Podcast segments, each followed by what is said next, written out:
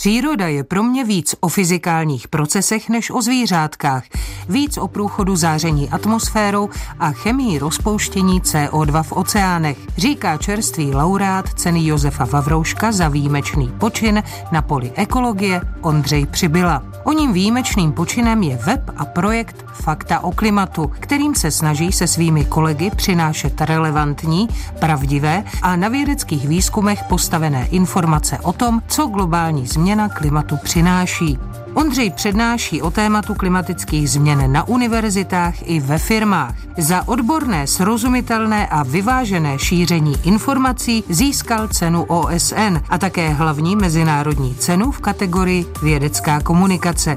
Je vystudovaný teoretický fyzik, hraje na violončelo a miluje šachy a bude hlavním hostem dnešní Natury. Přínosný poslech vám přeje Markéta Ševčíková. Natura.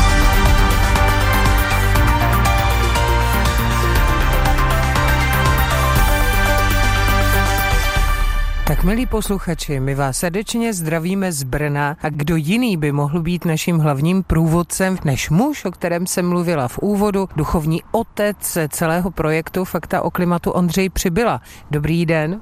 Dobrý den vám i posluchačům. My teď stojíme v části Brna, protože vy jste Ondřej říkal, že si projdeme místa, která na vás a na formování fakt o klimatu měla největší dopad. Tak naše pouť teď začíná v části Brna, kde stojíme teď, nebo sedíme přesněji řečeno před fakultou informatiky. Tak toto je to místo, kde celý projekt Fakta o klimatu začal? Ano, někdy začátkem června v roce 2019 se tady sešla parta lidí na hackathon a řekli jsme si, že za ten večer naprogramujeme web, což se nestalo, my jsme to nestihli za večer, stihli jsme to za několik dalších večerů, ale sešli se tady prostě parta většinou programátorů, kteří dali dohromady ten zárodek toho projektu. No a co celé té ideji předcházelo, protože já už jsem zmiňovala, že vy jste teoretický fyzik, nejste ani ekolog, ani biolog, ani zoolog, tak je velmi zvláštní, že zrovna vy jste duchovním otcem jednoho z největších projektů,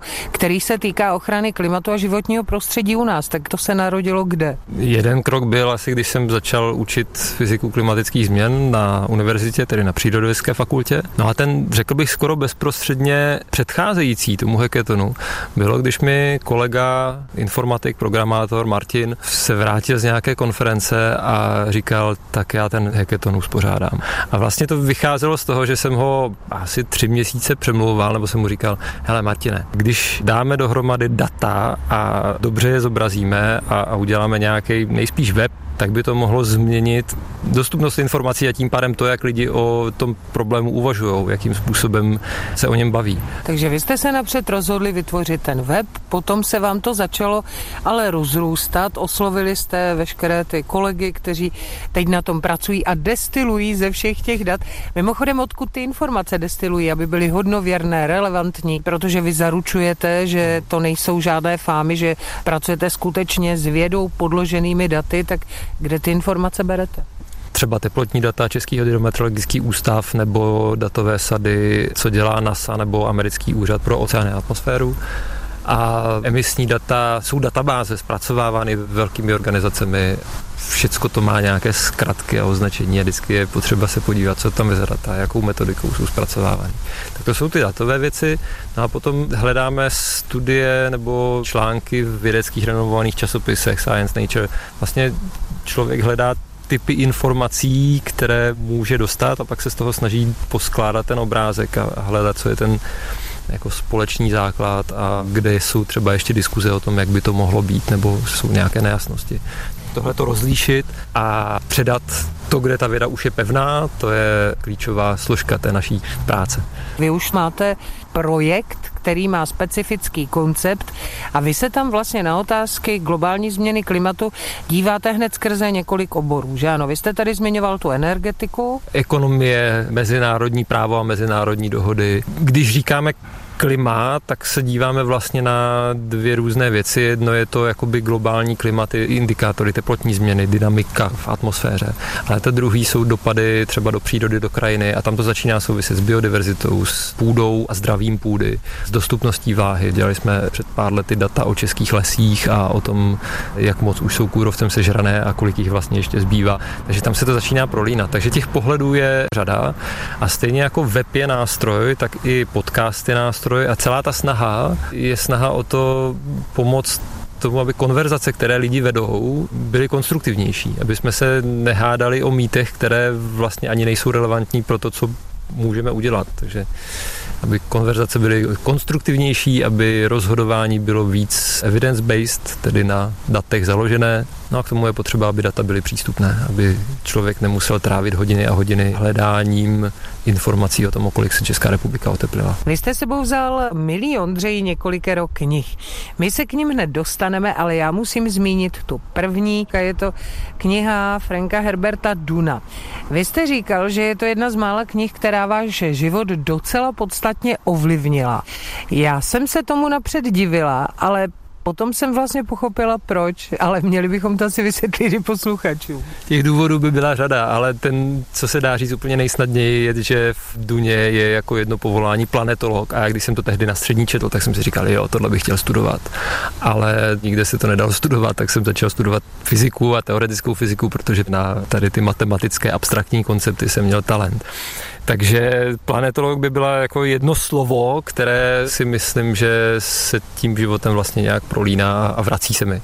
A jiná zase taková ta na první čtení snadno pochopitelná linka jsou mentati. Celá Duna je o společnosti, ve které jsou informace nebo nějaké jako pochopení situace, přehled a strategické rozhodování, ve které jsou tyhle věci důležité a v tom příběhu, v tom sci-fi to zosobňují postavy mentatů, tedy vlastně lidí se superschopnostmi z hlediska analýzy.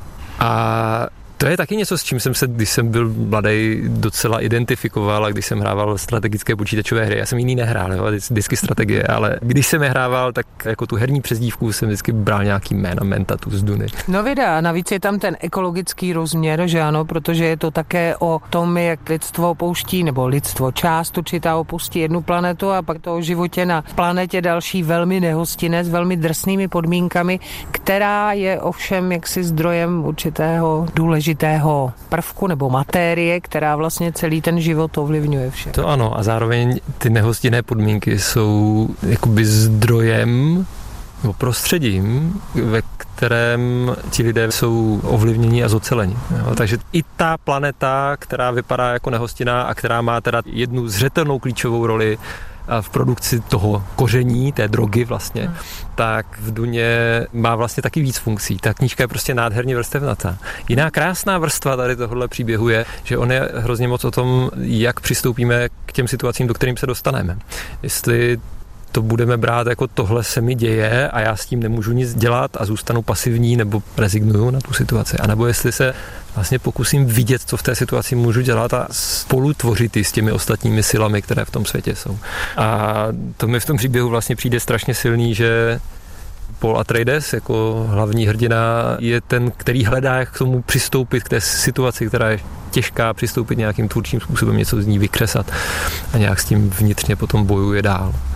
Tohle mi přijde, že je vlastně taky aspekt, který je hrozně relevantní pro dnešní dobu, že svět je složitý, dostáváme se do doby, která přináší spoustu různých rizik. Klimatická změna je určitě jedno z nich, ale mohli bychom jmenovat další antibiotická rezistence. Hrozby související s umělou inteligencí a s tím, že přestáváme chápat tu složitost světa, ve kterém žijeme a složitost sociálních médií a že těch představitelných rizik je tam vlastně hrozně moc. A otázka je, co s tím uděláme a co s tím můžeme udělat. A myslím si, nebo pro mě nějaká taková snaha nebo umanutost v tom, že přece něco dělat můžeme a možná nemám dokonalé řešení na celý problém nebo na všechny problémy, ale když vidím jeden krok, který můžu udělat, tak ho prostě udělám. Takhle vznikl i ten projekt Fakta o klimatu. Já nemám ambici v to, že ten projekt vyřeší všechny problémy související s klimatickou změnou, ale Můžeme zpřístupnit data tak, aby byly snáze čitelnější a dohledatelnější? Ano, jdem to udělat. No, Tak pravil náš dnešní průvodce, duchovní otec a zakladatel fakt o klimatu, také mentat vlastně. to myslím, On, že ne. Já Ondřej... mám spoustu dalších emocí, které mentati v této knížce nemám. Tak ne, tak Ondřej, neboli Ondráš přibyla náš dnešní hlavní průvodce, no a my se teď tady v Brně od vaší fakulty, kde to všechno vzniklo, od fakulty informatiky posuneme více do centra a tam si prohlédneme další důležité místo, jak pro vás, tak vlastně pro tu zemskou vědu. Natura. Tak milí posluchači, a my jsme se tady v Brně přesunuli na další místo. Je tady krásně zeleně, sedíme na zahradě Augustiniánského kláštera, který je samozřejmě spojen s velkou postavou naší vědy Johanem Gregorem Mendlem. A já tady mám další postavu naší vědy, samozřejmě našeho průvodce Ondřeje Přibylu. Proč jsme šli právě sem? Proč jste vybral jako další v pořadí z těch našich brněnských zastavení právě toto místo? Je to příjemné místo, kde se dá dělat rozhovor, jo? ale zároveň je to Mendlova zahrada, kde dělal experimenty a kde poznával a mně přijde, že to poznávání přírody je nějaká jako charakteristika, která mě v životě provází. A i trochu v tom mendlovském duchu, že on si tady dělal meteorologické záznamy, tamhle je ta jeho meteorologická Přesně teď se na ní díváme, ano. Jo, tady kousek vedle je skleník, která nově postavený, tak a snažil se pochopit nějaké principy, které jsou zatím. A to je taky něco, co mě v životě provází, ať už v mládí, když jsem koukal na filmy Davida Attenborova o, o přírodě, a, a nebo potom, když jsem šel studovat fyziku a koukal na svět těma očima rovnic a přemýšlení nad tím, proč je obloha modrá a jakým způsobem to dostat do rovnic a z těch rovnic dostat i tu přesnou interpretaci. No, my tady konečně, protože jsme usedli u takového malého stolečku, máme prostor na všechny ty knihy, které vy sebou nosíte. Duna je velké téma, to už jsme zmiňovali na úvod, ale když jste zmínil toho Davida Attenborougha, my ho máme tady také sebou. Máme tady i další knihu, to jsou takové vaše přibylovské Bible? Já jsem to nebral jako Bible, těch knížek, který mám rád, by byla velká spousta, ale jestli mám vybrat něco, k čemu mám vztah, co nějak umožňuje bavit se o tom, co dělám nebo co mám v životě rád, tak jsem vybral tady tyhle. Takže David Attenborough Planeta žije. Četl jsem ji oběma dětem a to byla takový to, moje žena jim čte Harry Petra a já jim čtu Planeta žije. Potom tady máme logicky fyziku atmosféry, vy sám jste fyzik, tak od Johna Hutona, tak to je kniha, která je proč pro vás zásadní? Ona se pojí přímo s tím tématem klimatu nebo klimatické změny. A vlastně to byla jedna z těch prvních, které jsem začal číst v době, kdy jsem si říkal, že už nechci dělat teoretickou fyziku, ale už se chci zaměřit na ten problém, který tady je. A když jsem se snažil tady založit předmět o klimatické změně, tak to byla jedna z těch učebnic. Ale jako jeden z těch důvodů, proč jsem to bral, je, že je plná rovnic. Ano, teď jsem se trošku lekla, jak jste to otevřel. A ty jevy, které tady popisuje, tady je jedna kapitola o teplotních změnách v ozonové vrstvě v důsledku toho, že jednak tam je nějaká koncentrace ozonu, nějaká koncentrace oxidu uhličitého a ty změny jsou tam v denním průběhu a je to něco, co je možné napočítat. A tady třeba tenhle detail, že můžeme změřit, že se mění teplota ve stratosféře a že pak můžeme ten výpočet provést a on sedí s tím měřením, to je krásný, fascinující detail. Jo? Stejně tak, jako když můžeme napočítat Rayleighho rozptyl v atmosféře a, a jako zjistit, že obloha musí být modrá, že to jako to modré světlo prostě bude rozptylovat víc než to červené. A tohle, když z těch rovnic vychází, tak to je ten nádherný pocit, že to vychází, že člověk jako ten svět skutečně dokáže popsat, že ten výpočet sedí z daty a že to celý je jeden konzistentní celek. No a to se právě dostáváme k tomu poznání a vlastně opět k té práci s těmi daty, tvrdými daty, protože pokud to vychází z rovnic, pokud se tím zabývá fůra vědců na celém světě, vychází to, vědí už a dá se prokázat, že se zvyšuje i teplota v stratosféře. Tak mi vysvětlete, jak je možné, že i u nás ve vědecké sféře, ale především mezi politiky a mezi lidmi, kteří to mohou ovlivnit, panuje pořád taková skepse a pochybnosti. Proč je u nás tolik těch nevěřících Tomášů. Je to jenom náš český problém, naše české vnímání, náš český pohled na svět, nebo je to spochybňování toho, co se může stát, pokud bude globální změna klimatu pokračovat tak, jak se zatím vyvíjí, že je to opravdu fatální a může to být pro lidstvo fatální, tak je to vlastní tato idea všem postkomunistickým zemím, nebo kde se to bere? Myslím si, že to pro Česko trochu specifické je a jako upřímná odpověď je dohromady nevíme. Ale data ukazují, že se to mění. Že čím dál tím víc Čechů, vlastně většina Čechů, 65% Čechů souhlasí s tvrzením, že Česko by mělo snižovat emise nezávisle na tom, co budou dělat ostatní státy. Což je vlastně docela silný statement, silné tvrzení. A mění se to a myslím si, že těch příčin tam bude řada a jedna z nich je, že něco vědět vlastně může přinášet docela nepříjemné stavy a v případě změn klimatu myslím si, že to s čím se každý potká je nějaký pocit bezmoci, protože ten problém je fakt velký a nemůžeme ho změnit něčím nějakou jednoduchou činností, prostě, že bychom za rok měli hotový řešení. A možná nějaký strach nebo představa z odpovědnosti vůči dalším generacím. A to jsou prostě pocity, s kterými se člověk musí potýkat, když si to dovolí jako do té své mysli přijmout, že něco takového se fakt děje. To, že to vidíme v datech, ještě neznamená, že si to dovolíme jako fakt vnímat. Když už jsme tady na půdě, kde směřovali den co den před pár staletími kroky Johana Gregora Mendla, tak co vy osobně na něm považujete za nejobdivuhodnější, když se budeme vracet i k těm vašim učitelům nebo k mužům, kteří vás zajímali v životě? V případě Mendla asi nějaká vytrvalost, to, že to prostě byl schopen dělat dlouho a zůstávat u toho, i když se nedaří. Já si myslím, že já takový lezic flash nemám, že bych u toho tak dlouho nebyl schopen zůstat jenom tiše u experimentů a pokračovat roky a roky v dělání si záznamů. To ano, ale vy jste zase, jestli je vám něco vlastní jemu i vám, tak houževnatost, jsou to ty vlastnosti, které vás spojují. Taková umanutost? Asi jo, jak spousta lidí říká, že má klimatický žal, já nemám klimatický žal, já mám klimatický hněv. A vlastně i ten projekt Fakta o klimatu vznikl z takového praštění do stolu a takového vnitřního pocitu, to tak přece nenecháme, ne? Prostě to můžeme změnit, tak to musíme změnit. Nebo, jo? A teď myslím to, v případě faktu klimatu je, jakým způsobem jsou dostupný data. Tím pádem malá změna, která ale může mít důsledky na to, jak se o tom lidi baví, jakým způsobem chápou ten problém. Říká náš dnešní průvodce, zakladatel projektu Fakta o klimatu Ondřej Přibyla. Jsme stále v Brně a teď se posuneme společně na další místo. Natura. Tak milí posluchači, a my jsme se z centra Brna přesunuli na další část naší pouti po moravské metropoli, hlavním městě tuzemské ekologie, protože kde jinde bychom měli být, než v Brně, když točíme o ekologii. Jsme tady stále samozřejmě s naším průvodcem, zakladatelem Fakt o klimatu Ondřejem Přibylou. No a teď jsme v Kohoutovicích a my jsme přijeli schválně sem, protože tady... Mm, protože tady bydlím.